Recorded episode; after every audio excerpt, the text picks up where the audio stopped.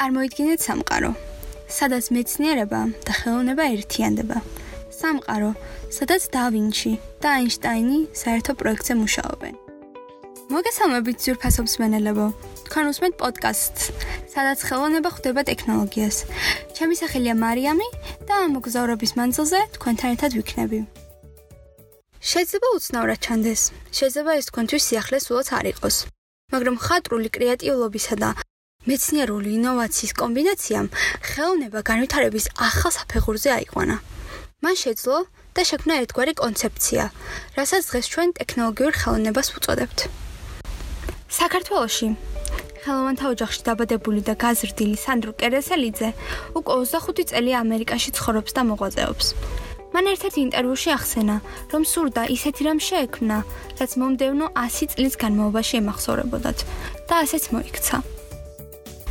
Art Tech House ასე ქვია სანდროს მიერ დაარსებულ ციფრული ტექნოლოგიების საგამოფენო სივრცეს, რომელიც თავდაპირველად ვაშინგტონში გაიხსნა 2017 წელს და დროიდან მოყოლებული ყოველწლიურად 100.000-ობით მნახველს იზიდავს. ხალხს აღარ სურს იყოს პასიური მაყურებელი, ამბობს სანდრო კერესელიძე. მათ სურთ რომ ხელოვნებას მიუძღვნენ რეალური და აქტიური გზით. მინდა დიდი სიხარულით გაცნობოთ, რომ დღეს ჩვენი პოდკასტის სტუმარი არის სოციალურ ქსელ Facebook-ში შექმნილი გვერდის Speeches ერთ-ერთი დამფუძნებელი ქალბატონი სოფო ჯაჯანაშვილი. ეს არის გვერდი, რომელიც საზოგადოებას აცნობს წარმატებულ ქართველ ემიგრანტებს. მოგესალმებით. სწორედ თქვენი ერთ-ერთი პოსტის საშუალებით გავიგეთ ბატონ სანდრო კერესელიძეზე, რომელმაც ამერიკაში ძალიან დიდ წარმატებას მიაღწია. გვიხარია, რომ დრო გამონახეთ ჩვენთან სასაუბროთ. მოდით თავდაპირველად ჩვენს მსმენელს უკეთ გავაცნოთ ის ადამიანები, რომლებიც ამ პლატფორმის მიღმად განან. მე ვარ სოფო ჯაჯანაშვილი, პროფესიით საზოგადოებასთან ურთიერთობის მენეჯერი. ბოლო 6 წლის განმავლობაში ვმუშაობდი საქართველოს მეოთხე და მეხუთე პრეზიდენტებთან. ამჟამად ვცხოვრობ ნიუ-იორკში მეუღლესთან ერთად. ჩემი მეუღლე პროფესიით რეჟისორია ზურაბ ქათამაძე. ერთმანეთი 2 წლის წინ გავიცანით ნიუ-იორკში, ამერიკაში საქართველოს პრეზიდენტის ვიზიტის დროს. გვიანბეთ იმის შესახებ, თუ როგორ დაგებადათ გვერდი შექმნის იდეა და რა გამოწვევები შეგხვდათ მისი გახორციელების პროცესში. სპიჩის შექმნის იდეა ჩვენი გაცნობიდან დაიწყო. ზურაბს მიზანი იყო ონლაინ ტელევიზიის შექმნა. კონცეფცია და სტრატეგია ზუსტად ემთხოვოდა ჩემს მიზნებსაც. შევთავაზეთ ვებმარ დაგვეკარგა გამოგვეყენებინა სოციალური მედია პლატფორმა. სუსტად ვიცოდი ზურა რაზეც საუბრობდა, რადგან ემიგრაციაში ცხოვრების გამოცდილება მეც მქონდა. ბოლო წლების განმავლობაში 33 ქვეყანაში მომიწია მოგზაურობა.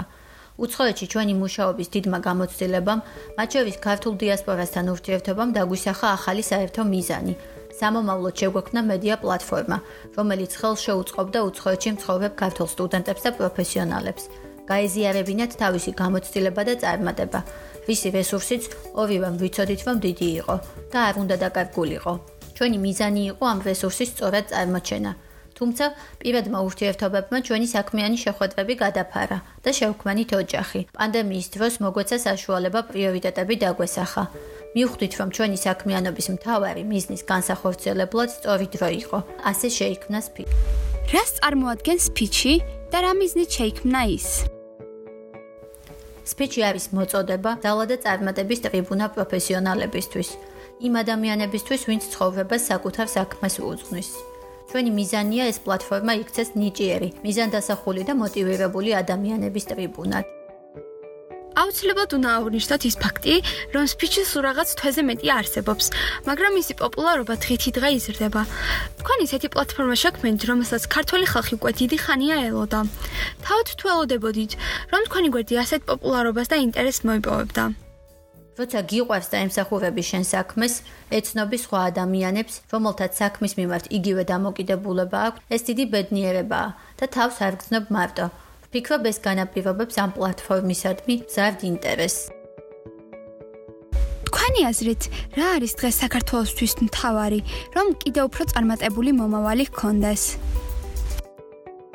საქართველოს როგორც ქვეყნის შიგნით, ასევე საზღვრებს გარეთ უდიდესი რესურსი და პოტენციალი აქვს. თავარია ხედვა და პრიორიტეტების დალაგება.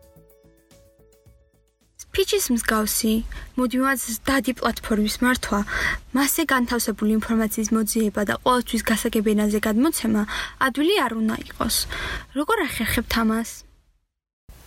როგორც ზემოთ აღნიშნე, გარდა იმისა, რომ ბევრს მუშაობდი, ასევე ბევრს მოგზაურობდი. პარიზში ემიგრანტ ბაბუასთან გატარებულმა ბავშვობამ, ევროპულმა გამოცდილებამ მომცა საშუალება საინტერესო ადამიანებთან ურთიერთობის. რამაც გარკვეულწილად განაპირობა გავცნობოდი მათი წარმატების ისტორიებს. ასევე ჩემს მეუღლეს სტუდენტობიდან ჰქონდა საშუალება გაცნობოდა პოსტსაბჭოთა ქვეყნებს, ევროპულ და ამერიკულ სამუშაო სისტემას. პროფესიიდან გამომდინარე, მასაც დაუგროვდა სათქმელი. ქალბატონო სოფო, გვაინტერესებს, იგეგმება თუ არა სიახლეები და შედის თუ არა თქვენს გეგმებში ვაშინგტონში არტ ეკ-ჰაუსის მონახულება? ეს არის ფიჩის საწყისი ეტაპი. სხვა ბევრ საინტერესო პროექტს ახლო მომავალში ჩვენს გვერდზე იხილავთ. გეგმავთ ვაშინგტონში ჩასვლას. იქ სხვა პროექტებიც გვაქვს დაგეგმილი. და ბოლოს, როგორ გესახებათ ფიჩის მომავალი? სპიჩის მომავალი უკავშირდება მეცნიერებაში, კულტურასა და ხელოვნებაში მიღწეულ წარმატებებს. მოკლედ ეს არის საქართველოს სოფლიოს გარშემო. უცხოეთში მცხოვრები ქართველები სამუშაო გამოცდილებით და განათლებით უდიდესი რესურსია საქართველოსთვის. სპიჩის ტრიბუნა მზად არის ხელი შეუწყოს ამ რესურსის მოძიებას და ინვესტიციას საქართველოსში. მადლობას გიხდით იმისთვის რომ გამონახეთ დრო და მოგვაწოდეთ ძალიან საინტერესო ინფორმაცია. გისურვებთ წარმატებებს. დიდი მადლობა საინტერესო პროექტისთვის. დარწმუნებული ვარ თქვენს წარმატებებს ჩვენს პლატფორმაზე ვიხილავთ. კიდევ ერთხელ ვუხდით დიდ მადლობას ქალბატონ სოფოს კეთილი სურვილებისთვის, სპიჩი შექმნისთვის და იმისთვის, რომ გაგვაცნო ამერიკაში მყოფი წარმატებული ქართველი. მეგობრებო, ჩვენი პოდკასტიც დასასრულს მივახოლდა. მინდა გითხრათ, რომ სანამ ტექნოლოგია წინსვლას განუწყვეტლივ რეჟიმში განაგრძობს, ბუნებრივია ის მრავალ სხვა ასპარეზზეც განვითარდება. ხელოვნების ეს კონკრეტული დარგი შედარებით ახალი სფეროა, რომელიც გაამდიდრა და განავითარა ტექნოლოგიამ. ჩვენ მოთმინებით დავალდებით თუ როგორ გაგრძელდება ერთი შეხედვით ორი ასეთი განსხვავებული ინდუსტრიის საერთო მომავალი. დიდ მადლობას ვუხდი ერთ გულსმენელს, რომელიც კიდევ მისმენს და გვიკომენტარეთ თუ რა მოგეწონათ, ან არ მოგეწონათ, რაზე ან ვიზე ისურვებდით კიდევ უფრო მეტის გაგებას და ზოგადად განვაგზავნოთ თუ არა პოდკასტების კეთება. იმედი მაქვს კიდევ შევხვდებით. დროებით.